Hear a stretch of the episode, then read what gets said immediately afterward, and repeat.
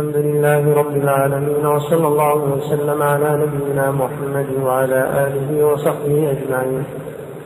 أحسن الله إليكم قال الشيخ الحافظ رحمه الله تعالى سؤال ما الدليل على الإيمان بالملائكة من الكتاب والسنة. جواب أدلة ذلك من الكتاب كثيرة منها قوله تعالى والملائكة يسبحون بحمد ربهم ويستغفرون لمن في الأرض. وقوله تعالى إن الذين عند ربك لا يستكبرون عن عبادته ويسبحونه وله يسجدون. وقوله تعالى من كان عدوا لله وملائكته ورسله وجبريل وميكال فإن الله عدو للكافرين. وتقدم الإيمان بمن وتقدم الإيمان بهم من السنة في حديث جبريل وغيره. وفي صحيح مسلم أن الله تعالى خلقهم من نور والأحاديث في شأنهم كثيرة. لما فرغ المصنف رحمه الله تعالى من بيان الركن الأول من أركان الإيمان وهو الإيمان بالله أتبعه بذكر الركن الثاني وهو الإيمان بالملائكة. فأورد فيه أسئلة ابتدأها بقوله ما الدليل على الإيمان بالملائكة من الكتاب والسنة؟ فذكر في جوابه أن أدلة ذلك كثيرة فالقرآن الكريم والسنة النبوية مملوءة من الأدلة الدالة على الإيمان بالملائكة وإثبات وجودهم ومنها قوله تعالى والملائكة يسبحون بحمد ربهم. ومنها قوله تعالى إن الذين عند ربك لا يستكبرون عن عبادته والمراد بهم الملائكة فهم الذين عند الله سبحانه وتعالى. ومنها قوله تعالى من كان عدوا لله وملائكته ورسله وجبريل وميكالا فإن هذه الآية متضمنة لذكر الملائكة عموما ولذكر اثنين منهما خصوصا وهما جبريل وميكال عليهما السلام وأفرد بالذكر بعد العام تنبيها إلى جلالتهما وعلو قدرهما. وأما الأحاديث الواردة عن النبي صلى الله عليه وسلم فمن ذلك حديث جبريل وقد تقدم وهو في الصحيحين من رواية أبي هريرة وعند مسلم وحده من حديث عمر بن الخطاب.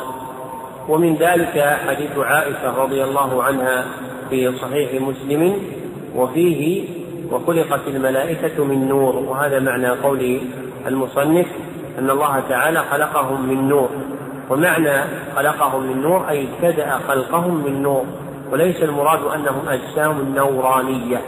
فمن يقول في الملائكة أنهم أجسام نورانية استنباطا من هذا الحديث فهو غلط.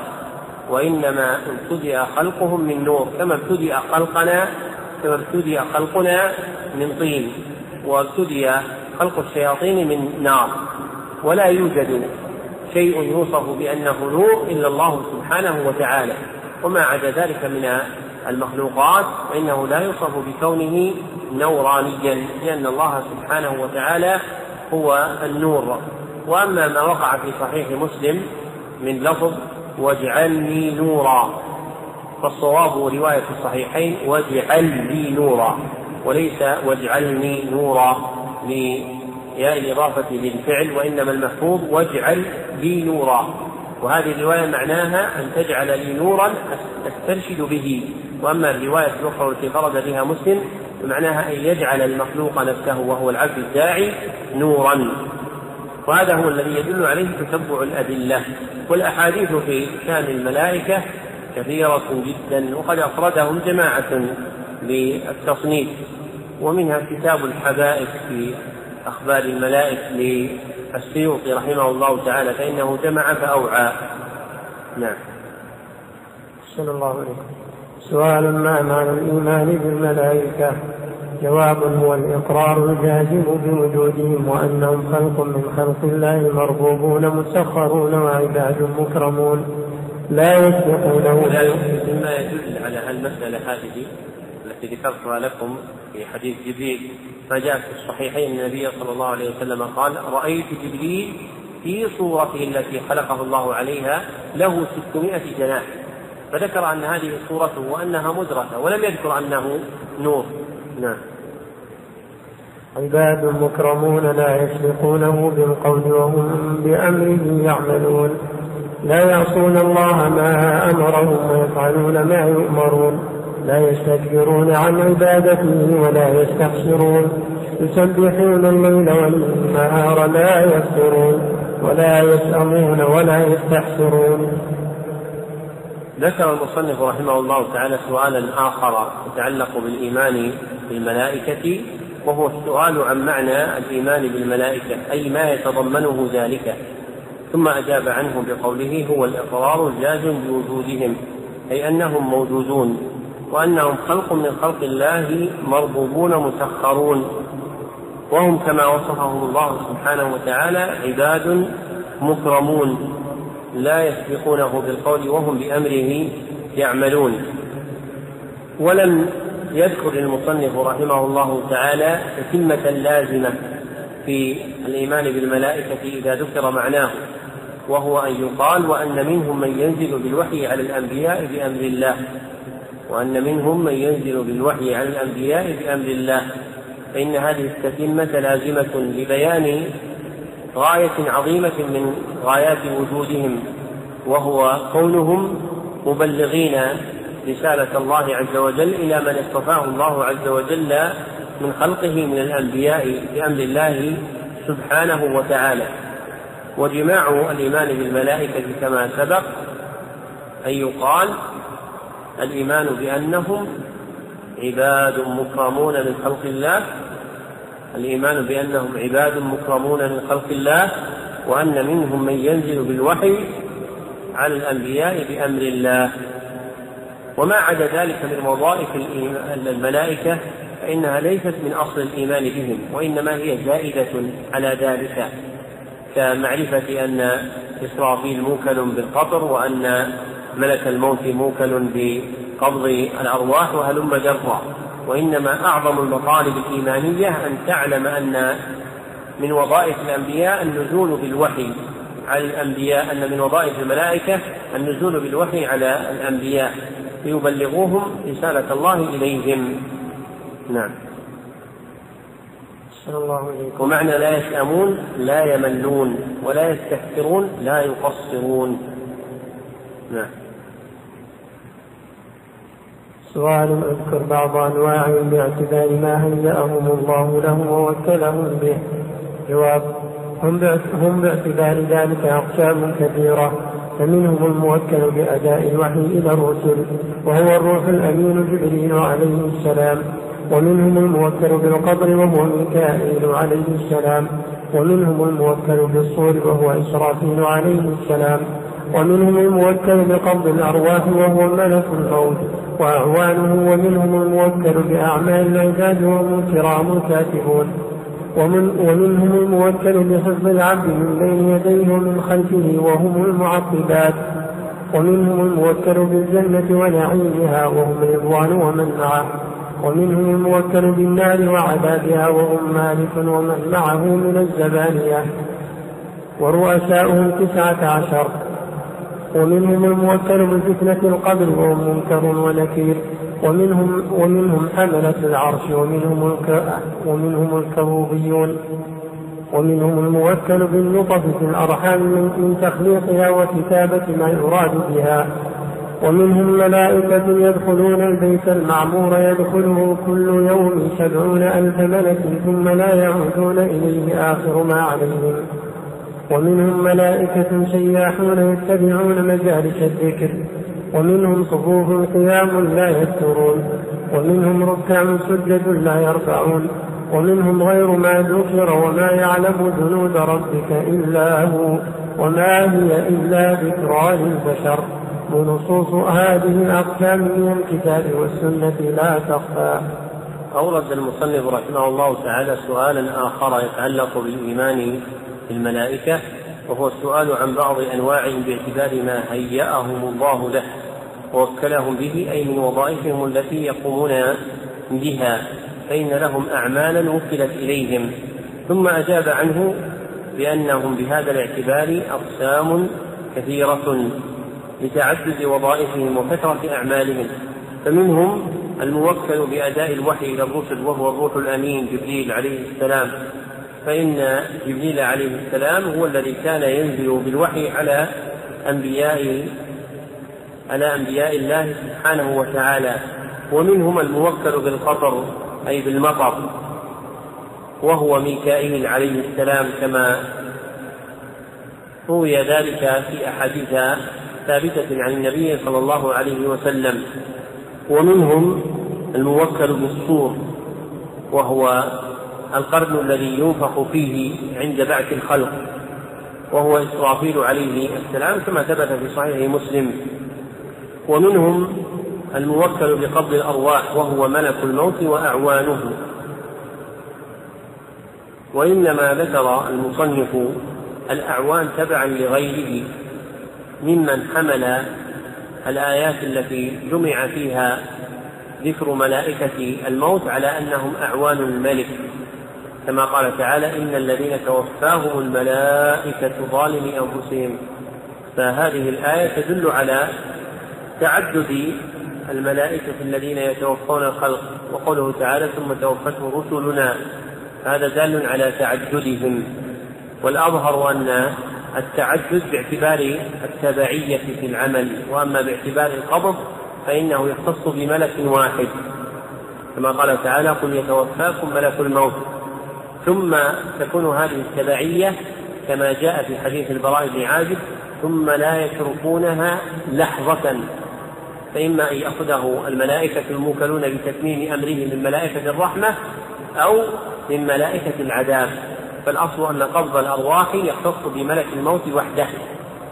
وما بعده مما يجري على الميت من تتمة أحواله بعد الموت فهذا يجري من ملائكة الرحمة أو ملائكة العذاب.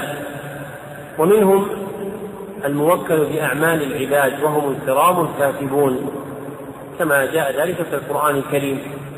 ومنهم الموكل بحفظ العبد من بين يديه ومن خلفه وهم المعقبات الذين يحفظون المرء بأمر الله سبحانه وتعالى. فلا يتتبعهم أحد في التعقيب عليهم بل هم المعقبون لأمره فلا يخلفهم أحد في تغيير حاله أو تدبير أمره. ومنهم الموكل بالجنة ونعيمها وهم رضوان ومن معه أي من خزنة الجنة. وروي اسم رضوان في حديث ضعيف لا يثبت. والثابت تسميتهم خزنة الجنة وملائكتها. ومنهم الموكل بالنار وعذابها وهم مالك ومن معه من الزبانية. أي من خزنة جهنم الذين يزبلون الناس أي يدفعونهم بشدة ورؤساؤهم تسعة عشر. ومنهم الموكل بفتنة القبر وهم منكر ونكير. كما جاء ذلك في حديث عند الترمذي بإسناد حسن. وتقدم أن المحفوظ في اسم هذين الملكين ضبطان أحدهما تحليتهما بال المنكر والنكير والآخر تجريدهما من ال فيسميان منكر ونكير. وذكر في الأول منهما كسر نونه أيضا فيقال منكر ومنكر. ذكر ذلك السيوطي في ذكر ذلك الصنعاني في شرح نظم السيوطي المعروف بأبيات التثبيت. ومن الملائكة أيضا حملة العرش الذين يحملون عرش ربنا سبحانه وتعالى. ومنهم الكروبيون. والكروبيون روي ذكرهم في حديث ضعيف لا يثبت. واختلف أهل العلم في معنى الكروبيين على قولين. أحدهما أنهم الملائكة المقربون. مأخوذ من كرب إذا قرب. مأخوذ من كرب إذا قرب. والثاني أنهم ملائكة العذاب. مأخوذ من الكرب وهو شدة الأمر. وكلاهما محتملان. ولم يثبت في ذلك حديث كما سلف. ومنهم الموكل بالنطفة في الأرحام من تطبيقها وكتابة ما يراد بها ومنهم ملائكة يدخلون البيت المعمور كما ثبت في الصحيحين يدخله كل يوم سبعون ألف ملك ثم لا يعودون إليه آخر ما عليهم. ومنهم ملائكة سياحون أي سيارون يسيرون في الأرض يتتبعون مجالس الذكر. ومنهم صفوف قيام لا يكثرون ومنهم ركع سجود لا يرفعون ومنهم غير من ذكر. وما يعلم جنود ربك إلا هو وما هي إلا ذكرى للبشر.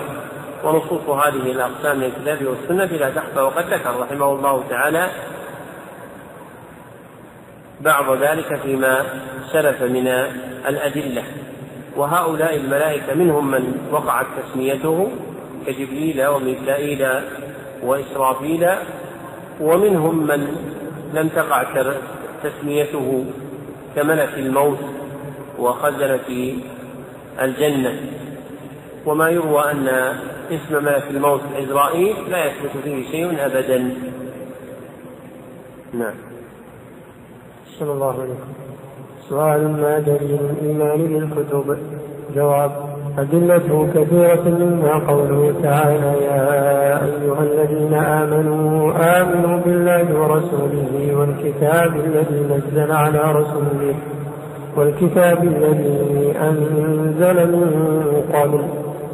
وقوله تعالى قولوا آمنا بالله وما أنزل إلينا وما أنزل إلى إبراهيم وإسماعيل وإسحاق ويعقوب والأسباط وما أوتي موسى وعيسى وما أوتي النبيون من ربهم لا نفرق بين أحد منهم ونحن له مسلمون الآيات غيرها كثير ويكفي في ذلك قوله تعالى وقل آمنت بما أنزل الله من كتاب.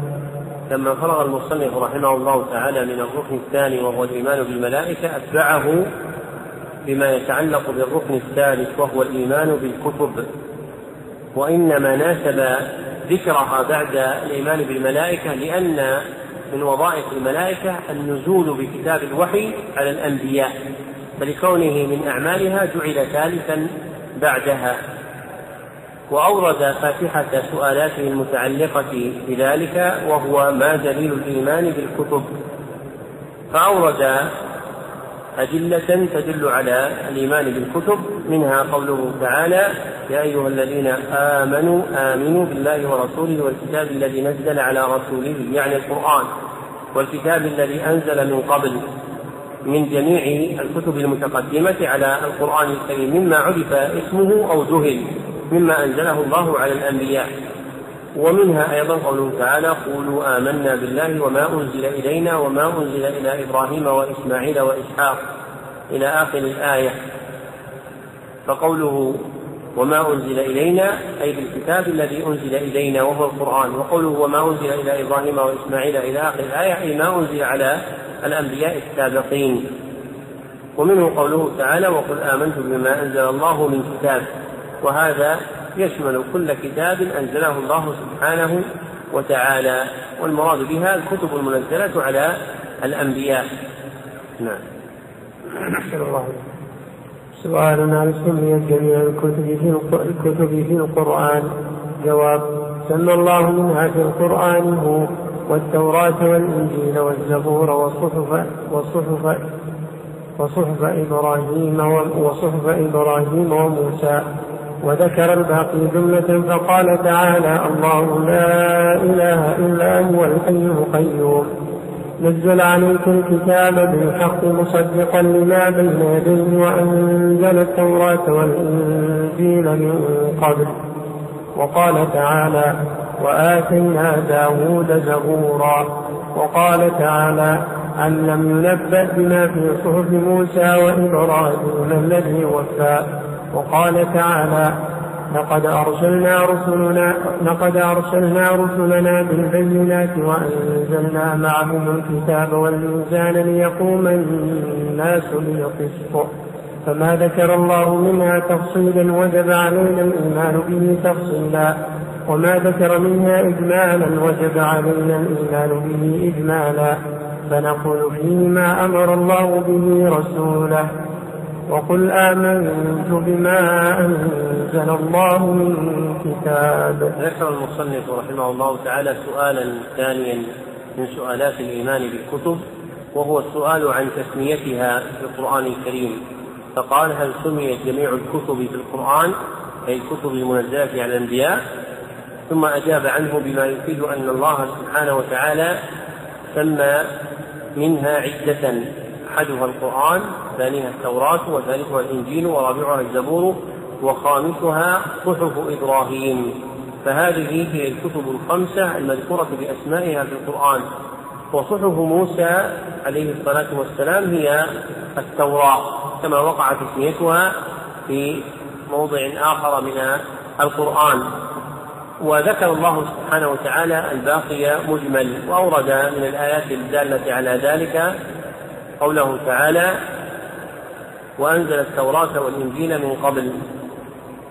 وقال تعالى وآتينا داود زبورا. وقال تعالى أم لم ينبأ بما في صحف موسى وإبراهيم الذي وفى. وقال تعالى إن هذا لفي الصحف الأولى صحف إبراهيم وموسى. وقال تعالى في بيان المجمل لقد أرسلنا رسلنا بالبينات وأنزلنا معهم الكتاب الآية. فما ذكر الله منها تفصيلا باسمه وجب علينا الإيمان به تفصيلا وما ذكر منها إجمالا وجب علينا الإيمان به إجمالا. فما جهلناه من كتب الأنبياء نؤمن به وما عرفنا اسمه فإننا نؤمن به باسمه. ككتاب موسى أنه التوراة وكتاب عيسى أنه الإنجيل وكتاب داود أنه الزبور وأن الله أنزل على إبراهيم عليه الصلاة والسلام صحفا كما ذكر ذلك في كتابه. وأصل الزبور اسم لجميع الكتب لكنه اختص بعد ذلك بالعلنية بما أنزله الله عز وجل على داود. فمثلا قول الله تعالى ولقد كتبنا في الزبور من بعد الذكر أن الأرض يرثها عبادي الصالحون معنى الآية فلقد كتبنا زبور يعني الكتب لأن الزبر هو الجمع يعني الكتب المنزلة على الأنبياء ولقد كتبنا في الزبور من بعد الذكر الذكر يعني يعني اللوح المحفوظ كما ذكر ذلك من ذكرها؟ ها؟ لا ذكرها ابن القيم رحمه الله تعالى في الشفاء العليل ووقع التصريح به في البخاري في كتاب التوحيد. فإن الذكر اسم للوح المحفوظ أيضا كما إنه اسم للقرآن. فمعنى الآية ولقد كتبنا في الكتب المنزلة على الأنبياء بعد ما كتبناه في اللوح المحفوظ أن الأرض يرثها عباد الله الصالحون. نعم. الله. سؤال ما معنى الإيمان بكتب الله عز وجل؟ جواب معناه التصديق الجازم بأن جميعها منزل من عند الله عز وجل وأن الله تكلم بها حقوقة فمن المسموع منه تعالى من وراء الحجاب من دون واسطة الرسول الملكي ومنها ما بلغه الرسول الملكي إلى الرسول البشري ومنها ما كتبه الله تعالى بيده كما قال تعالى وما كان لبشر أن يكلمه الله إلا وحيا أو من وراء حجاب أو يرسل رسولا فيوحي بإذنه ما يشاء. فيوحي بإذنه ما يشاء. وقال تعالى لموسى إني اصطفيتك على الناس برسالاتي وبكلامي وقال تعالى وكلم الله موسى تكليما. وقال تعالى في شأن التوراة وكتبنا له في الألواح من كل شيء موعظة وتفصيلا لكل شيء. وقال في عيسى وآتيناه الإنجيل. وقال تعالى وآتينا داود زبورا. وتقدم ذكرها وقال تعالى في شأن القرآن لكن الله يشهد بما أنزل إليك أنزله بعلمه والملائكة يشهدون وكفى بالله شهيدا. وقال تعالى فيه وقرآنا فرقناه لتقرأه على الناس على مكر ونزلناه تنزيلا. وقال تعالى وإنه لتنزيل رب العالمين. نزل به الروح الأمين. على قلبك لتكون من المنذرين بلسان عربي مبين. الآيات وقال تعالى فيه إن الذين كفروا بالذكر لما جاءهم وإنه لكتاب عزيز. لا يأتيه الباطل من بين ولا من خلفه تنزيل من حكيم حميد. الآيات وغيرها كثير. ذكر المصنف رحمه الله تعالى سؤالا آخر من الأسئلة المتعلقة بالإيمان بالإيمان بكتب الله وهو ما معنى الإيمان بكتب الله عز وجل. ثم أجاب عنه بما يتضمن أمرين أحدهما التصديق الجازم بأن جميعها منزل من عند الله عز وجل والآخر أن الله تكلم بها حقيقة فهي من كلام الله سبحانه وتعالى. وبقي وراء هذين المعنيين معنيان أيضا. أحدهما أن الله أنزلها ليحكم بها الأنبياء بين الناس. أن الله أنزلها ليحكم بها الأنبياء بين الناس. والآخر أنها جميعا منسوخة بالقرآن الكريم. فهذه المعاني الأربعة هي التي يتضمنها معنى الإيمان بكتب الله عز وجل. فالله سبحانه وتعالى أنزلها وهي كلامه والمقصود من إنزالها أن يحكم بها الأنبياء بين الناس بما اختلفوا فيه وهي جميعا منسوخة بالقرآن الكريم. وكان مما ذكره المصنف رحمه الله تعالى أن الله تكلم بها حقيقة فمنها المسموع منه تعالى من وراء حجاب بدون واسطة الرسول الملكي. فيسمعه الرسول البشري من الله عز وجل من وراء حجاب. كما وقع هذا لموسى الكريم ونبينا صلى الله عليه وسلم لما عرج به إلى السماء. ومنها ما بلغه الرسول الملكي إلى الرسول البشري. فأوحاه الله عز وجل إلى الرسول من البشر بواسطة رسول من الملائكة بعثه الله إليه. ومنها ما كتبه الله عز وجل بيده كما جاء ذلك في التوراة. فإن الله عز وجل لا كتب التوراة بيده كما ثبت في صحيح مسلم. وأورد المصنف فيما يدل على ذلك آيات عدة منها قوله تعالى وما كان لبشر أن يكلمه الله إلا وحيا أو من وراء حجاب أو يرسل رسولا.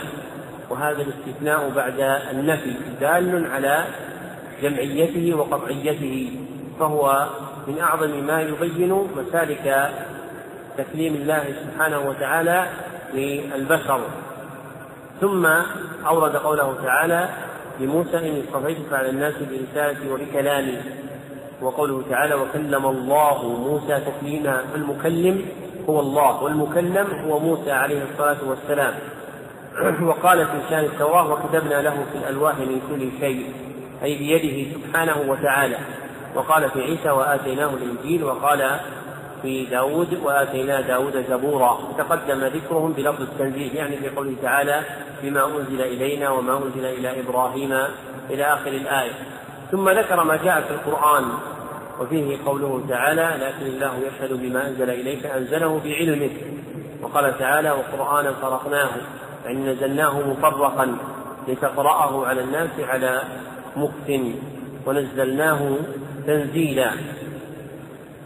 ومنها قوله تعالى وإنه لتنزيل رب العالمين الآية. ومنها قوله تعالى إن الذين كفروا بالذكر لما جاءهم وإنه لكتاب عزيز الآية. وخبر إن محذوف. فتقدير الكلام إن الذين كفروا بالذكر لما جاءهم خسروا في الدنيا والآخرة. وحذفه الله سبحانه وتعالى فلم يذكره إشارة إلى عظيم تحققهم به. وأنه واقع بهم لا محالة فإنهم لما كفروا بالذكر لما جاءهم خسروا في الدنيا والآخرة ولشدة خسارهم لم يستحقوا ذكرا لذلك. وهذا آخر التقرير على هذه الجملة من الكتاب وبالله التوفيق.